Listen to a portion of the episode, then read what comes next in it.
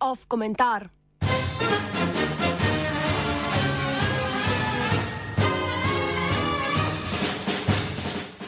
Afera Kajzer.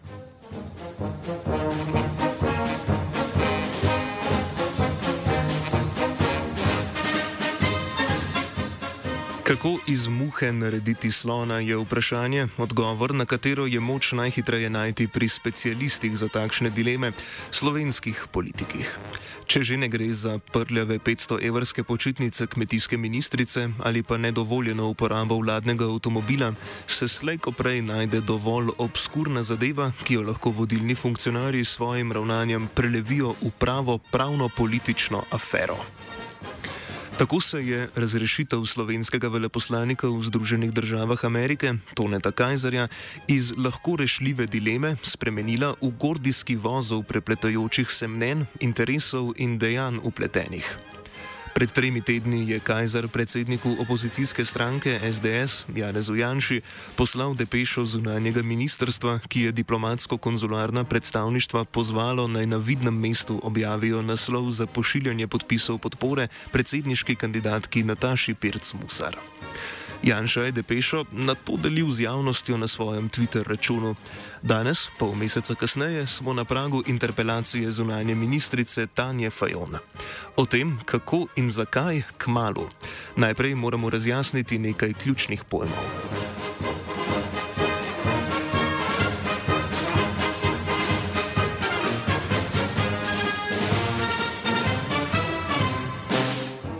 Veleposlanika, vodjo diplomatskega predstavništva v tujini, imenuje vlada na predlog zunanjega ministra, uradno pa mandat nastopi ob podpisu ukaza predsednika republike. Bolj pomemben za trenutno situacijo je odpoklic veleposlanika. Predčasno mu funkcija lahko preneha zaradi lastne prošnje, predloga države sprejemnice ali zaradi kršitve določb 45. člena zakona o zunanjih zadevah. Ta določa obveznost varovanja dokumentov Ministrstva za zunanje zadeve, med katere spadajo tudi depeše in depeša, ki jo je posredoval veleposlanik Kajzer. Ta sicer ni bila označena kot tajna, vendar se lahko dostop do takega dokumenta zavrne, če bi njegovo razkritje po zakonu o dostopu do informacij javnega značaja škodovalo mednarodnim odnosom ali interesom države. Predlog za razrešitev veleposlanika pripravi zunani minister, sprejme pa ga vlada, a šele po posvetovanju s predsednikom republike, čigar podpis veleposlanika uradno razreši.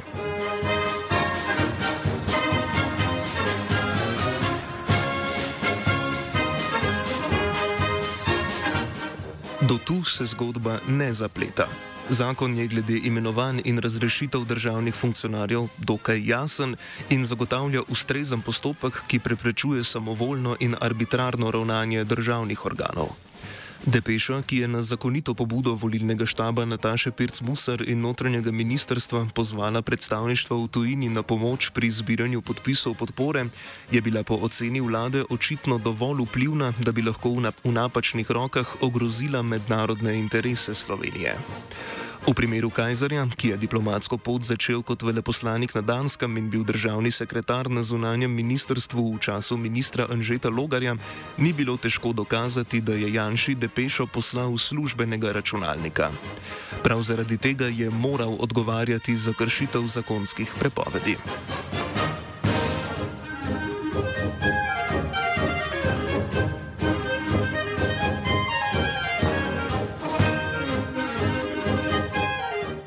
Afera Kajzer, kot bo nedvomno v kratkem času znan veleposlanikov odpoklic, se začne zapletati pri določanju teže Kajzerjeve kršitve zakona o zunanjih zadevah. Ker, de, ker depeša ni bila označena kot tajna, ne gre za hujšo kršitev, ki ji sledi takojšna razrešitev veleposlanika. Ker gre zgolj za navadno kršitev, ima pristojni organ, torej vlada, pri odločanju o sankciji zoper kršitelja nekoliko širšo polje proste presoje. Tako lahko vlada izbere težjo ali lažjo sankcijo.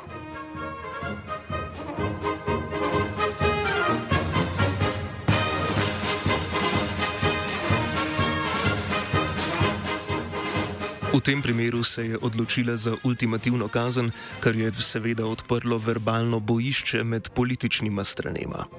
Vlada je svojo odločitev utemeljevala z varovanjem tajnosti vladnih dokumentov in načel demokratičnega volilnega sistema. Opozicija pa je brezkompromisno ravnanje vlade izrabila za širjenje protivladnega sentimenta. Tako naj bi po zatrjevanjih opozicije premijer Robert Golob, ki je zagovarjal Kajzerjevo razrešitev, slednjo zagotovil veleposlaniško mesto nekdani podpredsednici Gibanja Svoboda Marti Kos.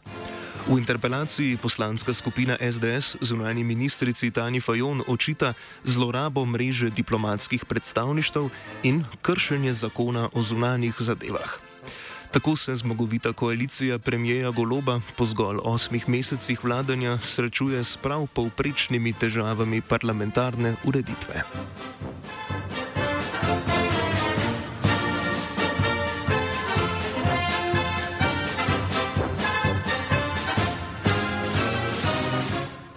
Seveda bi bilo naivno pričakovati, da se levo usmerjena koalicija ne bo posluževala političnega kadrovanja na pomembnejših državnih funkcijah.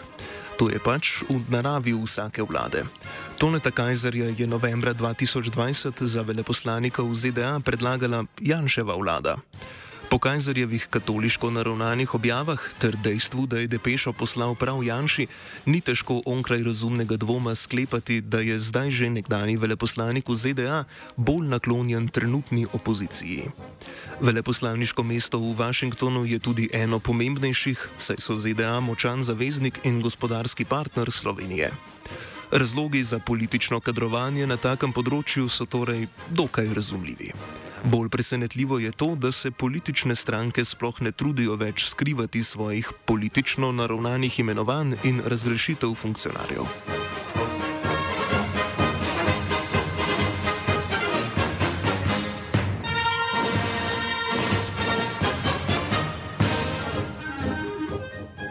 Vladi Janeza Janše se je očitalo, da je politično moč izrabljala za postavitev svojih podpornikov na najvišja mesta v državni upravi, državnih podjetjih in tudi na radio-televiziji Slovenija. Po zmagi Gibanja Svoboda na parlamentarnih volitvah so optimistični voljivci levega pola napovedali drugačen, bolj transparenten in svoboden pristop k vladanju, pravo nasprotje tiranskemu Janši. Realnost in čas sta pokazala, da golobova vlada, tako kot vsaka druga, uporabi vsak dovolj prikladen razlog, da utrdi svoj položaj z imenovanjem svojih podpornikov na najvišje položaje. Zgodovinskega in logičnega vidika prav nič presenetljivo.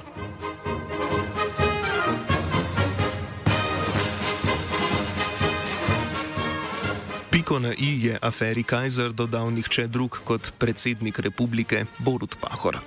Dejal je, da se o Kajzerjevi razrešitvi vlada oziroma ministrica za zunanje zadeve z njim ni posvetovala, kot določa zakon o zunanjih zadevah. Predsednik Pahor vladi namreč ni poslal tako imenovane zelene karte, sporočila, da se po posvetu z odločitvijo vlade strinja. Po Pahorjevih besedah naj bi bil v New Yorku ob obisku Generalne skupščine Združenih narodov o Kajzerjevi razrešitvi zgolj obveščen.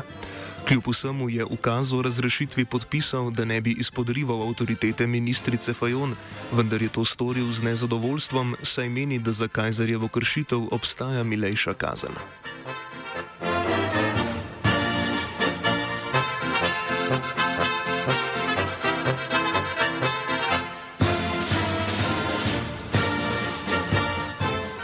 Takšno izpostavljanje in nenadno vtikanje v politične zadeve se zdi neznačilno in nespametno za predsednika, ki končuje mandat brez možnosti za ponovno izvolitev. Morda predsednik Pahor res želi, da se zakonito predvideni postopki opravijo zakonito, morda pa se mu končno mudi z vključitvijo v politično razpravo. Desetletje Pahorjevega predsedovanja je namreč zaznamovala predvsem njegova tišina.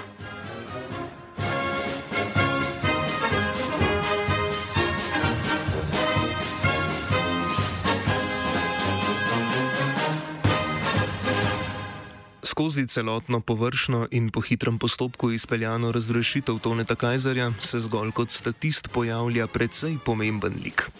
Po preširnovih besedah, tisti, ki kriv moritve, je velike. Afero Kajzer je namreč začel prav Janez Janša, ko je zajem zaslona z depešo objavil na Twitterju, s tem pa vladi sam ponudil izgovor za Kajzerjevo razrešitev. Potem je predsednik SDS le tiho opazoval, kako slovenski politični demoni raztrgavajo eden drugega in slabijo moč koalicije. Kako prikladno za nas. Ov komentar je pripravil Vito.